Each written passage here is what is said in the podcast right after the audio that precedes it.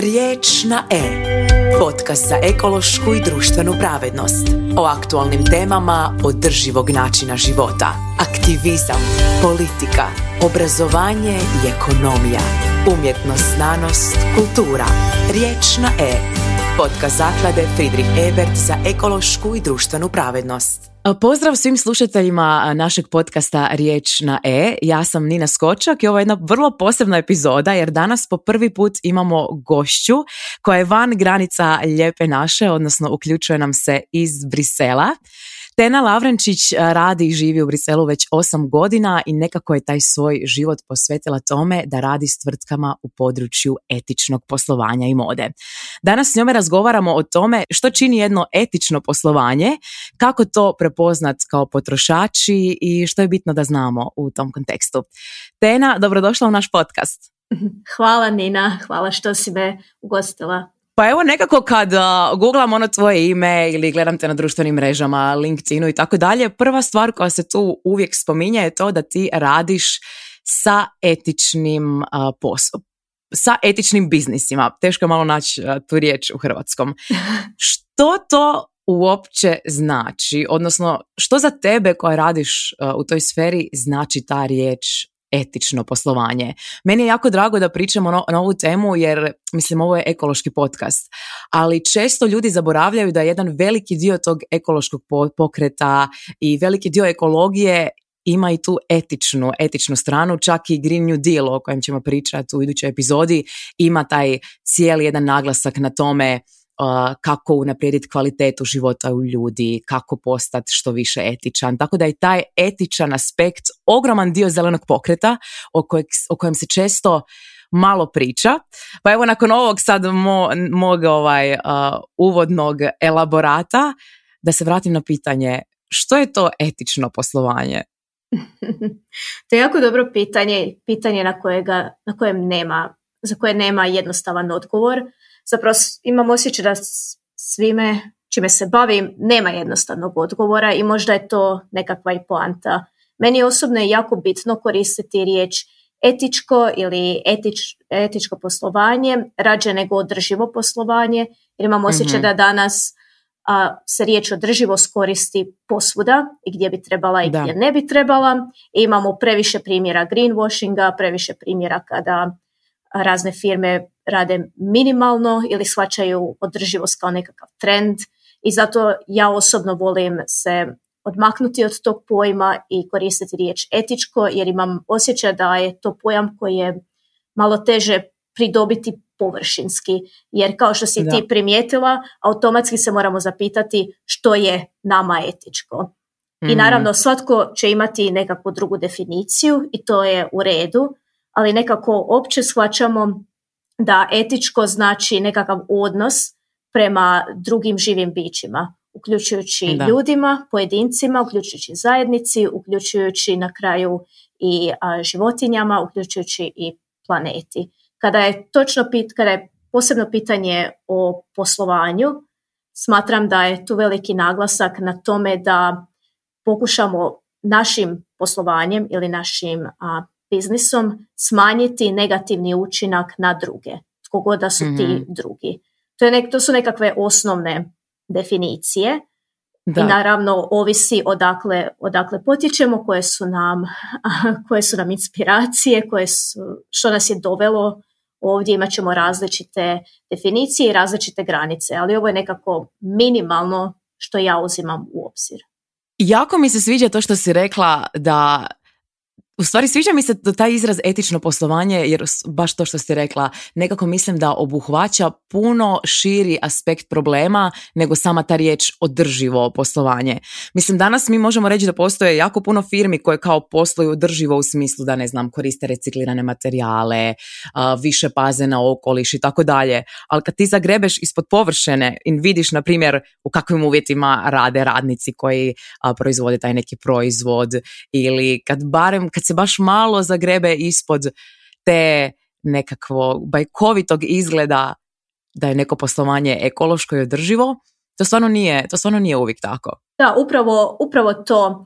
To recimo se jako dobro vidi na modi gdje je veliki naglasak na boljim materijalima, ne znam, na korištenju organskog pamuka ili lana um, ili ne znam, konoplje. Sve to u redu, ali po mome dokle god ljudi koji to rade, koji to proizvode nisu dobro plaćeni, to ništa na kraju ne znači. E, da. Također kada je riječ o kada riječ o održivosti, na kraju krajeva to je vrlo jedan zapadni koncept. Na kraju krajeva održivo znači održavati stanje kakvo je. I tako, nažalost, puno, mm. puno firmi pristupa toj riječi održivost pokušavaju promijeniti neke stvari koje bi im dopustile da i dalje zadrže biznis kakav je.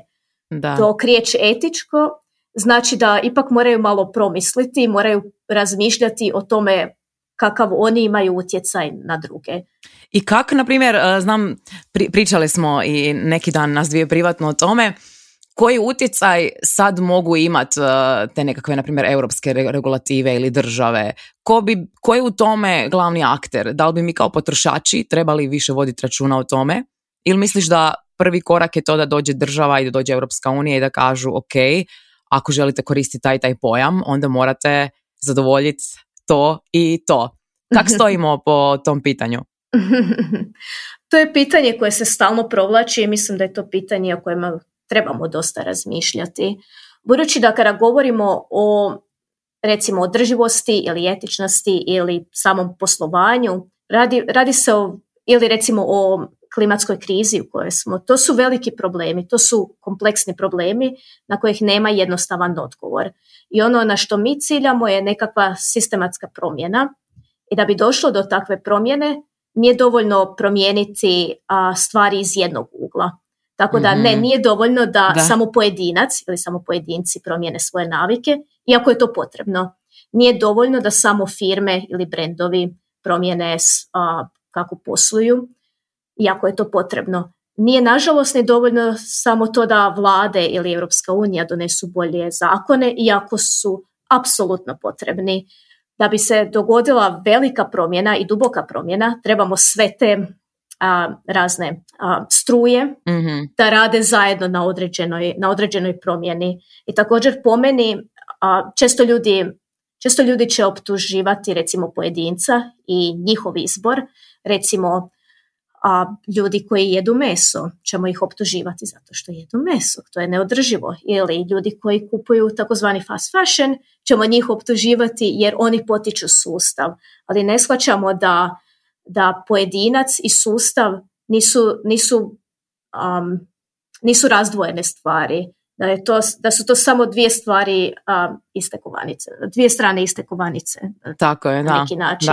Tako da smatram da promjena mora doći sa svih strana da bi se prava promjena dogodila, inače ćemo imati ono što nažalost trenutno imamo, a to je greenwashing. Jako mi se sviđa ova metafora s kovanicom, jer da, stvarno, mi smo pojedinci koji živimo u sustavu, mi ne možemo jednostavno funkcionirati bez toga, a sustav ne može funkcionirati bez nas. Kad si spomenula ovaj greenwashing, uh, možeš malo objasniti za one koji ne znaju točno što to znači? da, greenwashing su sve metode koje prikazuju nekakav biznis ili nekakvu firmu održivijom nego što stvarno je.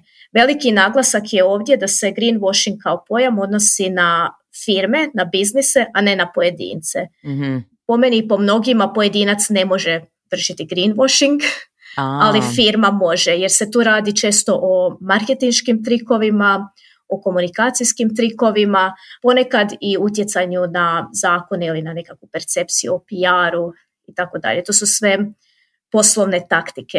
E, a sad mene full zanima kako sad mi kao, ok, pojedinac kako si rekla, su, super si to objasnila, da mi ne možemo, ajmo reći, bit, vršiti greenwashing, ali kako mi kao pojedinci možemo to prepoznat? Jer meni se čini da je danas taj marketing i te kampanje da su toliko napredne da je jako teško uočiti tu razliku što je istina, što je laž, a pogotovo kako se ti baviš baš i modom. Mislim da je u modi to jako značajno. Mislim, znamo ove sve velike fast fashion a, kompanije non stop imaju te neke oznake da je proizvod napravljen od recikliranog materijala, da je napravljen od takvog i takvog pamuka i tako dalje. No što se krije iza toga? Kako mi kao pojedinci možemo prepoznat da li je riječ o greenwashingu ili je to fakat za tak? Iskreno sve teže i teže, jer su firme također naučile u međuvremenu da mi ne želimo greenwashing i počeli smo prepoznavati greenwashing, tako da su postale um, kako reći, jednostavno su počeli raditi sa boljim marketinškim stručnjacima. I stvarno je sve teže i teže prepoznati, tako da ako, ako je netko slušatelja ikada pao na greenwashing, niste jedini. I ja isto više puta. Imaš neki primjer konkretan da možda ovo slušateljima to bolje dočaramo? Imaš neki primjer iz mode ili nešto? Da, naravno. A, recimo, kada sam te krenula učiti održivoj modi i odlučila sam ne konzumirati fast fashion. Ok, zaključila sam trebam izbjegavati određene trgovine, ali sam onda počela recimo kupovati u manjim nepoznatim trgovinama misleći da je to automatski bolje, ne obazirići se nužno na to, na to od čega je napravljeno, kako je napravljeno i slično. Ili sam mislila uvijek da nešto što je proizvedeno u europskim zemljama ili u EU, da je automatski dobro, što je jedna tema za sebe o kojoj možemo kasnije razgovarati. Uh, ili recimo puno, puno osoba koje znam uh, će kupiti nešto samo zato što je označeno kao vegan. Aha. To znači da je automatski bolje pod navodnicima. A to je slučaj u kozmeti, ja jako često vidim to na kozmetičkim proizvodima. Ja mislim da oni full vole to gurat u prvi plan, da je to vegansko pod broj jedan, pod broj dva da je napravljeno od recikliranih materijala. To mi se čini kao baš mm. trenutno jak taj marketinški, marketinški trik. Da, da, materijal, kada je u pitanju pakiranje, to je jedno ogromno područje i apsolutno je istina da se više i više firmi koristi um, reciklirane materijale u svojim pakiranjima, što je super, to je super vijest, ali puno tih firmi na tome prestaje. I to je upravo da. greenwashing. Jedan od znakova greenwashinga je kada firma napravi jednu stvar, jednu bolju stvar i nju gura u prvi plan, a ne pita se o tome ili skriva što je zapravo iza toga ili odbija promijeniti bitan dio biznisa koji zapravo pridodaje više. Recimo pakiranje, plastično pakiranje recimo, iako plastika apsolutno ima posljedice po naš okoliš, to pakiranje ima jako malo utjecaj s obzirom na to kako je proizvod napravljen. Mislim, to možemo reći da je to legalna praksa, što ne? da. Kao realno ne možemo nigdje nikakvom povjerenstvu prijaviti možda tako neke neetične načine marketinga ili kao šta napraviti kad to prepoznamo. To je meni uvijek kao, ok, kužim da je ovo možda greenwashing, ali šta sad? da, šta sad?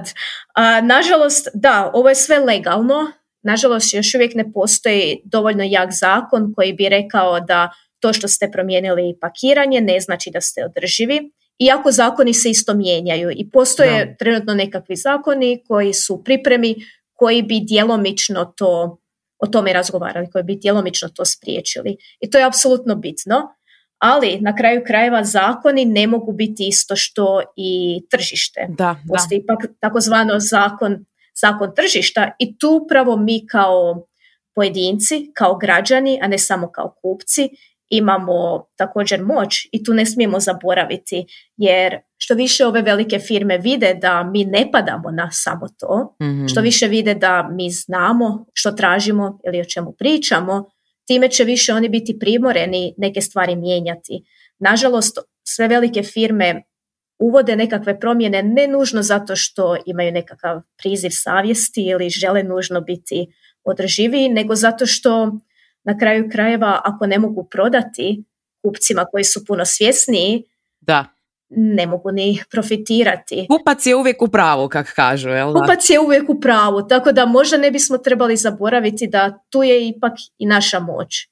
E, a sad, na primjer, kako ti gledaš te neke specifikacije proizvoda? Možemo uzeti primjer, eto, ili neke neke kozmetike ili nekog komada odjeće, što trebamo gledat da bi, ajmo reći, provjerili da li je nešto napravljeno na etičan i na ekološki prihvatljiv način i što su ti neki prvi znakovi da, ne, da nešto mhm. ne štima, a što su ti pozitivni znakovi, ok, ovo je na dobrom putu da je stvarno etičan etično napravljen mhm. proizvod? Prvi znak koji je možda nekakav dobar orijentir je ako proizvod ima certifikat. Ako proizvod ima certifikat koji je prepoznat, koji je internacionalno prepoznat, a nije samo nešto što je firma stavila sama. sama. Znači nije dovoljno da firma recimo kaže da je nešto napravljeno od organskog pamuka, samo po sebi, ali ako ima certifikat da je to stvarno organski pamuk, to ipak znači da su prošli kroz nekakve promjene mhm. od institucija ili od instituta koje se time bave, koji znaju daleko više nego mi i to je nekakav dobar prvi korak. Certifikat sam po sebi nažalost nije dovoljan. Nažalost, često, su, često se certifikati odnose na pojedinačan proizvod ili čak na materijal proizvoda, a ne na cijeli mhm. biznis. E, ali to sam skušala, ja mislim da neke firme čak i same izmisle neki svoj certifikat, pojma, odobrilo je toliko i toliko osoba, pokazalo se najbolje, kao, ko da sami izmišljaju te neke titule i neke kao te certifikate, naravno to nisu međunarodno priznate stvari, ali kao da idu toliko daleko u tome da se prikažu što boljima, da doslovno izmišljaju sami svoje te titule koje si pridaju. da, ono. naravno. Mislim, na kraju krajeva mogu napisati što žele. Na kraju krajeva tu se vraćamo opet na manjak zakona, na manjak regulacija mm.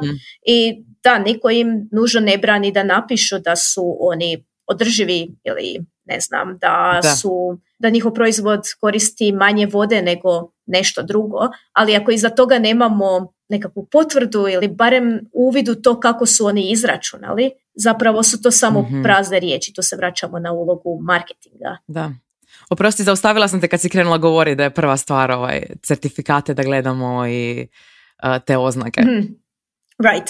Um, da, nažalost, certifikati sami po sebi su samo prvi korak i jako su dobar korak mm ako ste recimo novi u tome i ako vas malo sve to, sve to zbunjuje, što je sasvim normalno. Da.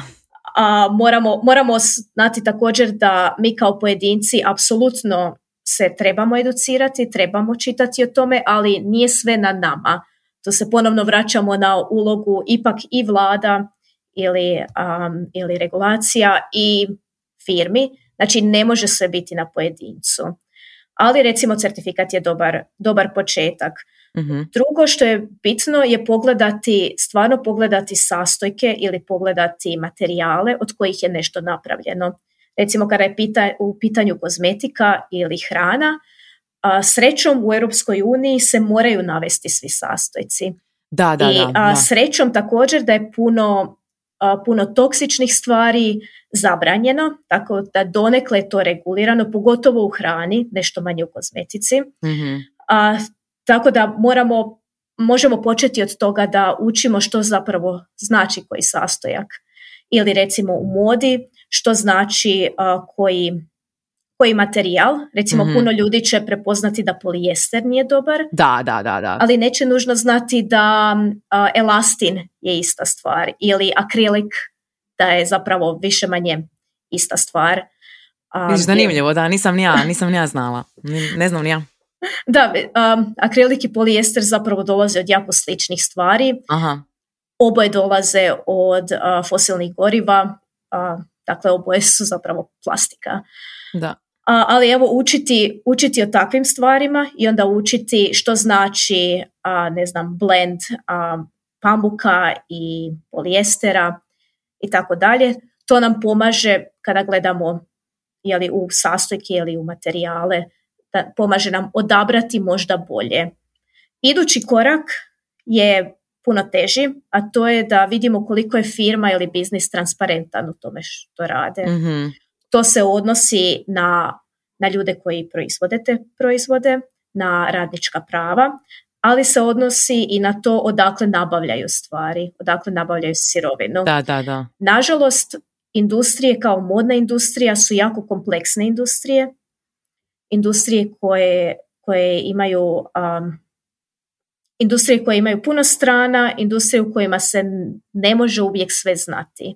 mm Tako da moramo znati da, nažalost, realno puno firmi ne zna odakle nešto nabavlja ili ne zna, nema uvidu potpunu sliku kako je njihov proizvod nastao. I tu moramo znati da donekle oni to ni ne mogu znati, ok, ali s druge strane firme, velike firme, globalne firme koje dominiraju tržištem moraju, ja smatram da one moraju preuzeti odgovornost da znaju kako je njihov proizvod napravljen. Slažem se, slažem se, da. I da, i da nešto naprave po tom, po tom pitanju. Ali recimo prvi znak da nešto nije u redu i ako firma uopće ne govori o tome ili ako govori o tome vrlo, vrlo površno recimo, često ćete naći a, na modnim na stranicama modnih brendova, mi proizvodimo u skladu sa lokalnim zakonima ili mi proizvodimo održivo. Točka. A mislim, a lokalni zakoni mogu biti neki e, azijski lokalni zakoni koji ne postoje uopće u, toj sferi, ne? Da, naravno, naravno, to apsolutno ništa ne znači, to im često ne, ide ni u prilog, ali pogotovo ako recimo brand uopće ništa ne govori o tome gdje proizvode, to je prvi znak da, je, da nešto skrivaju ili još gore ne znaju, što isto onda se ono zapitate e, želite li podržavati proizvođača koji ni ne zna kako, kako mu se proizvod radi. Ajme, ovo je toliko u stvari depresivna misao, iskreno. Kako mi kupujemo toliko stvari, ne zna se kud to dolazi, kak je to nastalo. Znači, meni, to, meni je to prestrašno pomisao, iskreno. Meni je to prestrašno. Nažalost, nažalost, a, puno, puno firmi tako i posluje, takvo tako je tržište i to je još jedan od razloga zašto ja volim stavljati riječ etičko pred, mhm. ispred riječi poslovanje, jer smatram da čim počnemo razmišljati o našim vezama i utjecajima na druge, odmah počnemo i razmišljati kako, kako je naš proizvod nastao, kako mi radimo svoj proizvod, što se događa s njime prije nego što dođe, dođe do nas. Čim počnemo tako razmišljati ili čim biznisi počnu tako razmišljati, veća je vjerojatnost da će nešto i napraviti po tom pitanju. Tako da da, nažalost, malo je depresivno, malo, je, malo to sve zvuči strašno, ali srećom postoje, postoje firme koje su napravile velike korake da nešto promijene po tom pitanju. Nažalost, nije moguće, danas je nemoguće naći savršenu firmu koja će koristiti najsavršenije materijale i raditi u najboljim uvjetima, ali postoje firme koje su napravile veliki korak da budu transparentnije, da budu održivije, da budu više etičke. Da. I smatram da ako ništa drugo, barem možemo podržavati te firme. Možemo odlučiti rađe kupiti nešto kod malih proizvođača, možda lokalnih proizvođača mhm. koji znaju odakle nabavljaju ili barem znaju tko im radi proizvode, da, nego od nekakvih internacionalnih kompanija koje same nemaju uvid kako se njihovi proizvodi rade. Točno to i mislim da jedna od onih tih kao jako čestih skemova, odnosno prevara je kad kao ok, piše gdje je dizajniran proizvod, mm. odnosno gdje je na kraju sklopljen proizvod, ali to ne znači da je tamo i napravljen. I to, za, mene je to, za mene to isto jedan oblik greenwashinga ako gledamo zeleni pokret, kao što smo mi to definirale kao širi taj etički, kroz taj širi etički aspekt. To je ogroman problem ako neko tvrdi da je to dizajnirali smo ovo u Italiji i Francuskoj, ali to što ste vi dizajnirali to ne znači da ste tu i proizvoli, proizveli i tako dalje. Da, cijeli made in label ili cijela ideja o made in je vrlo površna ideja koju brendovi su jako svjesni toga, zato i stavljaju dizajn ili made in Italy, Germany ili koja god zemlja zvuči dobro i zvuči etički, ali moramo znati da made in label, da na made in label ne kaže cijelu priču. Da. Da je tu puno kompleksnija priča koja se skriva iza te, iza te male naljepnice ili iza male etikete. Mm. I prvi korak je razumjeti eh, razumjeti da je to tako. Ali zašto uopće brendovi to rade jer su svjesni da čim nešto stavimo kao designed ili made in recimo Italy, mi kao kupci imamo percepciju da je to nešto dobro. Jer mi kao kupci imamo percepciju da je to zemlja koja je dobra pod navodnicima ili zemlja koja koja je više etička ili koja je više, koja brine više o okolini. I podiže cijenu proizvoda, da.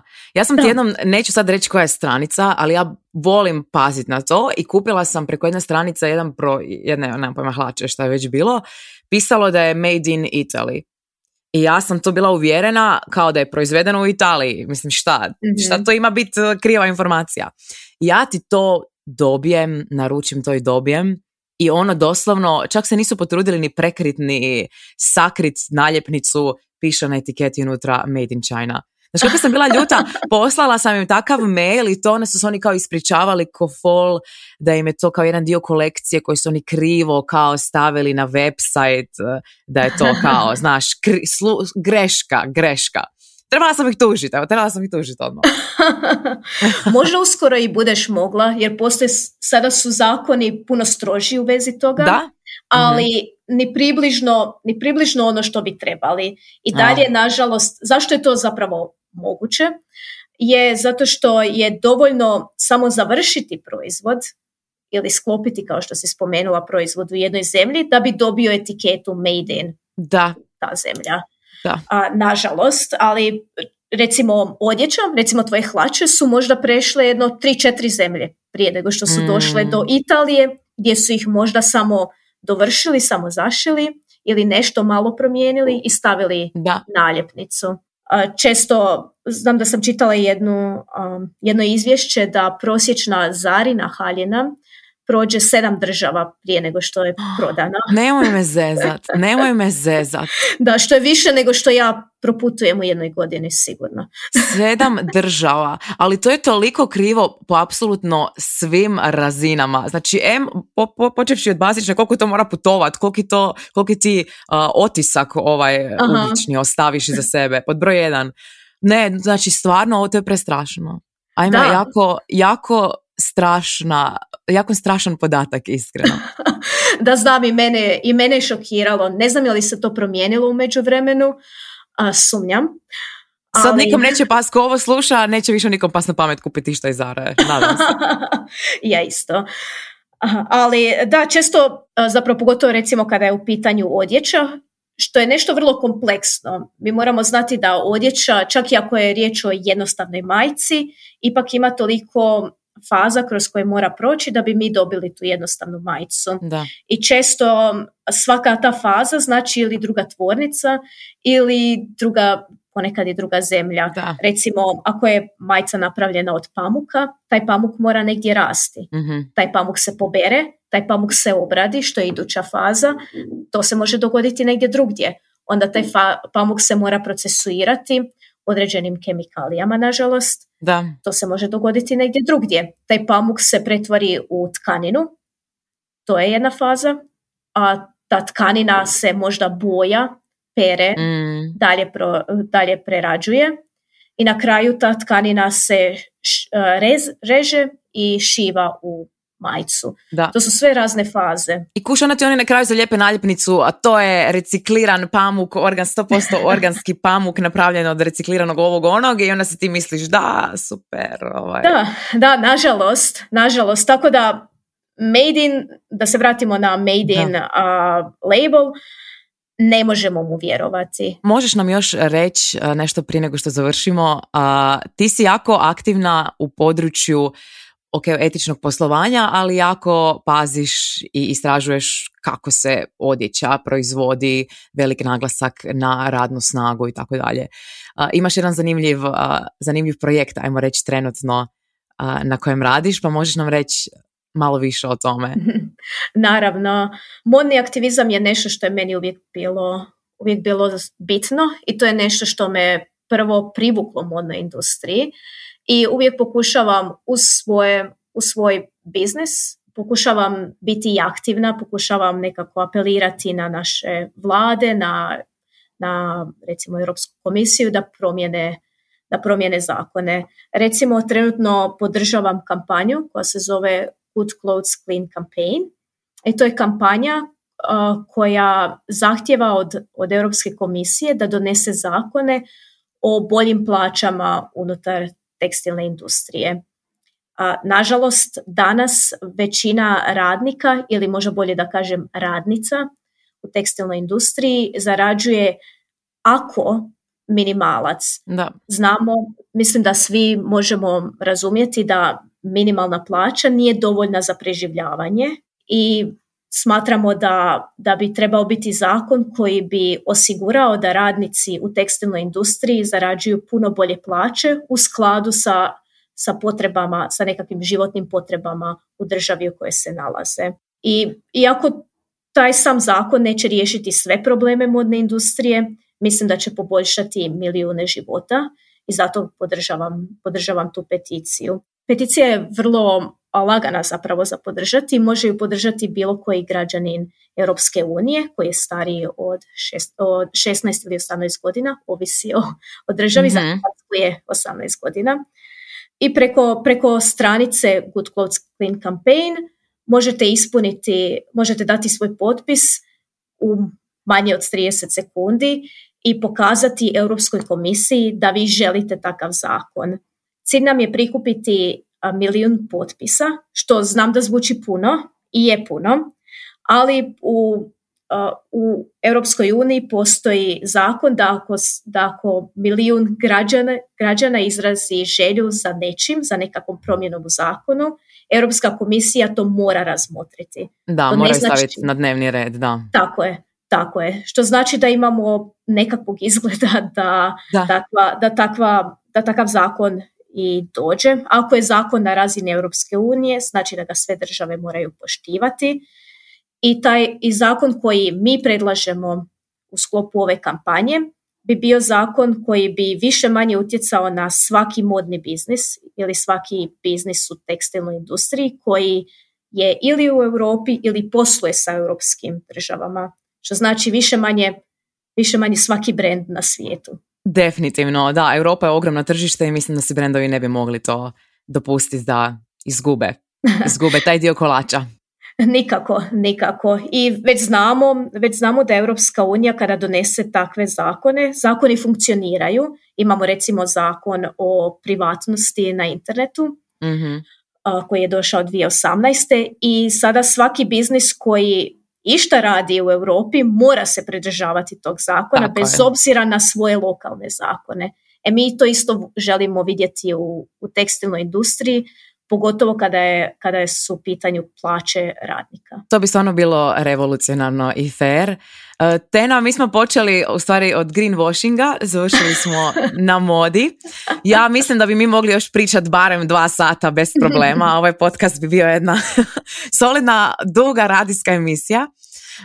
Hvala ti puno što si bila gošća našeg podcasta.